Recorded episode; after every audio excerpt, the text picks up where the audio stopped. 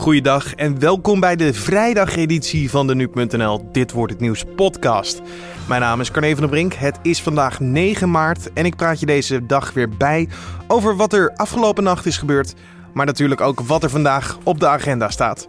We gaan bijvoorbeeld praten over de veiligheid van de LHBT-gemeenschap en de laatste Formule 1-testdag. Maar eerst kijken we kort terug naar het belangrijkste nieuws van afgelopen nacht. De Amerikaanse president Donald Trump heeft een uitnodiging van de Noord-Koreaanse leider Kim Jong-un aanvaard. Waar en wanneer de leiders elkaar gaan ontmoeten is nog niet precies bekend, maar hoogstwaarschijnlijk zal het plaatsvinden in mei, zo zijn de geruchten. Tot die tijd blijven alle sancties van de Verenigde Staten van kracht. Kim Jong-un toont volgens Zuid-Korea veel bereidheid om het conflict op te lossen. Myanmar wil dat de Verenigde Naties met bewijs komen voor de beschuldigingen van genocide. De mensenrechtenadviseur van de VN zei woensdag dat er vanaf augustus genocide wordt gepleegd op de Rohingya-bevolking in het land. De veiligheidsadviseur van Myanmar zegt dat genocide geen beleid is. Elf landen die aan de Grote Oceaan liggen hebben een nieuw handelsovereenkomst gesloten. Ditmaal zonder de Verenigde Staten.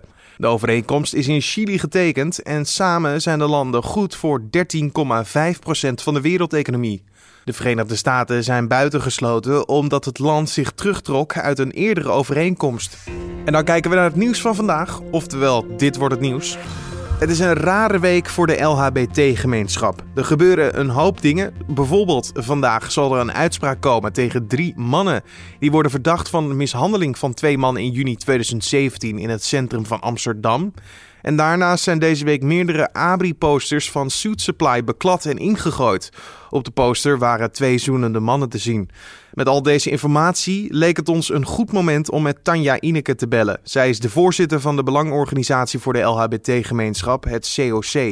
We vroegen aan haar hoe de acceptatie van de LHBT-gemeenschap op dit moment in Nederland is? Ja, nou, het is misschien goed om te beginnen met uh, te, te, zeggen dat uh, in Nederland de meeste mensen gelukkig uh, positief staan tegenover lesbiennes, homo's, bis, transgenders.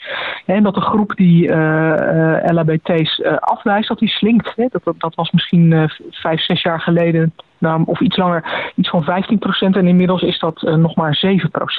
He, dus dat, dat is positief. Uh, tegelijkertijd uh, zien we dat het, het geweld, ja, dat, dat, dat lijkt niet echt af te nemen. Zeven van de tien LHBT's krijgt in zijn leven te maken met discriminatiegeweld. En dat varieert dan een beetje van, van uitschelden tot echt in elkaar geslagen worden. En dat is, dat is wel heel veel, zeven op de tien. Ja, en durft iedereen hier dan wel open over te zijn en zich uit erover te spreken? Want het lijkt me ook wel dat het toch een redelijke, ja, een schild moet zijn voor jezelf. Als je toch gewoon mee geconfronteerd wordt.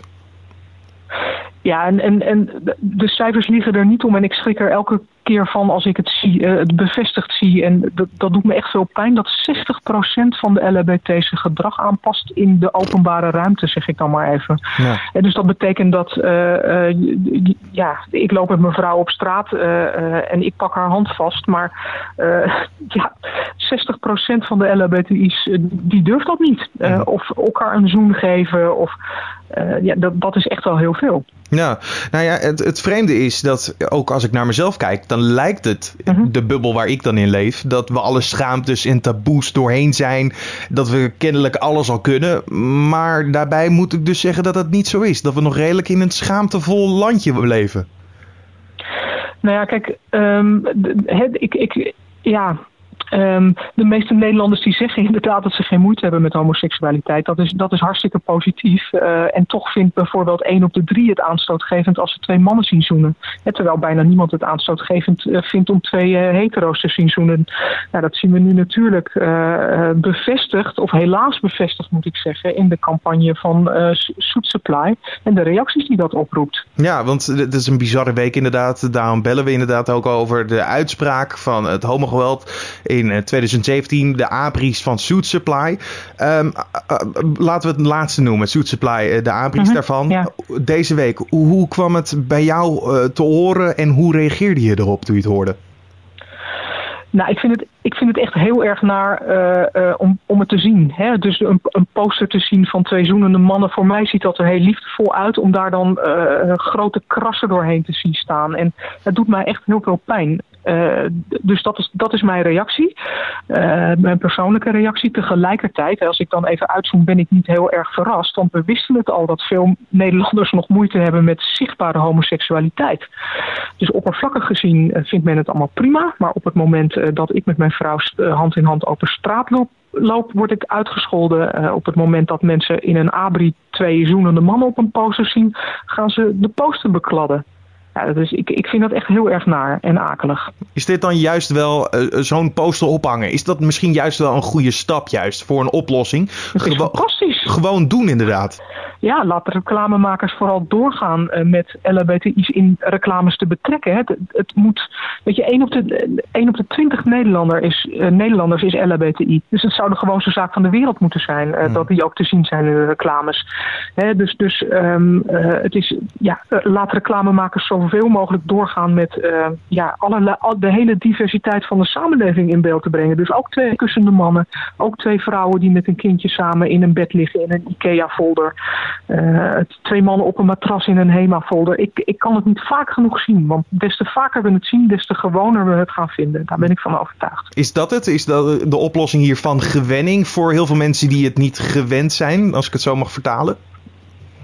Dat is voor een deel uh, de oplossing. Uh, voor een deel uh, zit het er ook in dat er ook nog Nederlanders zijn die homoseksualiteit afwijzen. En daar, daar moeten we ook aan blijven werken. Dus dat betekent dat het bijvoorbeeld heel erg belangrijk is om op school voorlichting te blijven geven. Over dat er vrouwen op mannen vallen, dat mannen op mannen vallen, dat, dat vrouwen op vrouwen vallen en dat het allemaal prima is. Ja, ja, en als we naar een tijdspanne gaan kijken, ja, dat kan, dat kan verschillen in een jaar tot en met jaren. Ehm, ziet u de toekomst roos rooskleurig in? Of denkt u van nou, we moeten nog wel echt keihard werken met z'n allen? Ik ben gewoon een optimistisch mens. En uh, ik zie dat de groep mensen die LHBTI's afwijst slinkt. Hè, dat, dat, dat is nu nog 7%. En we, we blijven er met elkaar keihard aan werken om daar nog veel minder van te maken. Je hoorde Tanja Ineke, voorzitter van COC Nederland. De laatste testdag staat op het programma voor de Formule 1. Na vandaag zien we alle coureurs voor het eerst samen op het asfalt in Melbourne. En dat duurt nog twee weken. Vandaag is de beurt aan Daniel Ricciardo. Maar toch even kort terug naar gisteren. Toen reed Max Verstappen meer dan 180 rondes op het circuit de Catalogna. Maar de snelste was hij bij lange na niet. Julien Dom vroeg collega Joost Nederpelt of er iets zinnigs te zeggen is over die rondetijden. Nou, we kunnen er dit zinnigs over zeggen. Dus dat, dat mensen zich daar geen zorgen om moeten maken. Want Verstappen was uh, donderdag echt met andere dingen bezig dan het, het uh, neerzetten van snelle rondetijden. Mm -hmm. Hij uh, heeft bijvoorbeeld heel veel pitstop simulaties gedaan en hij deed echt uh, lange runs. En hij heeft niet, uh, zoals Vettel, die uiteindelijk nog steeds wordt in de Ferrari, uh, veel op de hypersofts gereden, of de hypersofts. De, de nieuwe allerzachtste band die dit jaar debuteert in de Formule 1. Mm -hmm. Dus Verstappen ging niet voor de snelle rondetijden. Dus... Hebben ze nog eigenlijk problemen ondervonden bij de auto van Max? Zover ik weet niet eigenlijk. Uh, er waren uh, eerder deze week problemen met een accu. En we hebben wat problemen, uh, over problemen gehoord met brandstoflekjes. Maar in grote lijnen gaat het eigenlijk best goed met, met de Renault motor bij Red Bull. Moet gezegd dat bij McLaren, wat dit jaar ook gebruik maakt van de Renault motor, daar is woensdag een motor gewisseld. Omdat er een lek was, een lekke olieleiding. Mm -hmm. Maar dat is eigenlijk het eerste echte nou ja, een significante probleempje wat we hebben gemerkt aan de Renault motor tijdens de testdagen. Die motorwissel, telt die bij de drie die maximaal dit seizoen uh, gebruikt mogen worden? Nee, nee ze mogen uh, tijdens de testdagen oneindig motoren gebruiken. Dat, uh, dat uh, de enige reden waarom het team dat niet doet, is een, dat die motoren toch die, uh, die afstanden aan moeten kunnen. Dus ze kunnen dan wel gelijk de betrouwbaarheid testen. Maar mm -hmm. ze zouden in theorie om het uur, uh, dat lukt niet qua sleutelen, maar om het uur een nieuwe motor erin kunnen hangen. Maar dan wordt het een beetje een duur plaatje. Vandaag gaat Ricardo dan eindelijk rijden. Wat is voor hem en het team eigenlijk belangrijk op deze laatste testdag? Zoveel mogelijk rondjes rijden, dat is toch echt het, het allerbelangrijkste. En um, waarschijnlijk uh, gaat er ook weer een uh, race simulatie in zitten. Dat, uh, dat het team en de coureur echt doen alsof het een race is. En proberen zo snel mogelijk 70 rondjes af te leggen, inclusief pitstops. Daarmee leer je ook de banden weer beter kennen. Hoe, hoe lang houden ze het vol en welke tijden kun je rijden? Mm -hmm. Langdurig, hoe is het verval? Dat zijn echt belangrijke dingen om te testen. En natuurlijk ook weer zoveel mogelijk kilometers op de motor zetten om te kijken hoe lang die dat volhoudt. Ja. En misschien gaat Ricciardo wel weer een, een, simulatie doen van een kwalificatie. Dus met weinig brandstof en met de hypersoftbanden um, proberen een snelle ronde te rijden. Zoals Vettel dat deed ook afgelopen donderdag.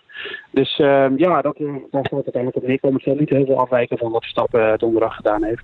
Ja, over die snelle rondes gesproken. Ehm, ja, is er al wat bekend over het gat tussen Red Bull en Mercedes? Is het echt zo groot als hier en daar wordt geropen? Mogelijk wel 100 pk? Um, nou ja, hoeveel het motorvermogen precies verschilt, dat, uh, daar doen uh, de teams toch wel geheimzinnig over. Dus uh, dat, dat is niet helemaal bekend. Maar het, ja, het staat wel meer en meer vast dat de Mercedes in ieder geval meer vermogen heeft dan, dan de Renault motor. Dat is op zich geen verrassing, want Mercedes heeft ook een hele nieuwe motor gebouwd. En, en Renault heeft dat niet gedaan. Die hebben vooral evolutie toegepast op hun huidige motor. Um, dus ja, wat valt erover te zeggen? Nou, ik denk dat, dat de Red Bull eigenlijk best wel tevreden is over de snelheid van de auto. En uh, het is niet zo dat de motor, de motor is in zekere zin bepalend. En Mercedes zal gerust blij zijn dat ze die hele snelle motor hebben. Maar de auto van Red Bull, als ik de coureurs zo hoor, Verstappen, Ricciardo en het, team, dan zijn ze er echt helemaal niet ontevreden over. Dus uh, ja, het is echt nog te vragen. Ferrari, daar leek het op alsof of ze een beetje achterlagen. Maar mm -hmm. Vettel reed donderdag in een echt een hele snelle tijd op de, de Hypersoft. Dus daar, die, zal, ja, die melden zich in één ook vooraan. Dus uh, ja, over de exacte gaten en wie er in Melbourne voor wie rijdt, dat, dat, dat valt echt nog niet te zeggen. Maar het tekent zich wel een beetje af dat het een uh, driestrijd weer gaat worden tussen Mercedes, Red Bull en Ferrari. En wie dan precies voorrijdt, dat, uh, ja, dat, dat moeten we echt in Melbourne zien.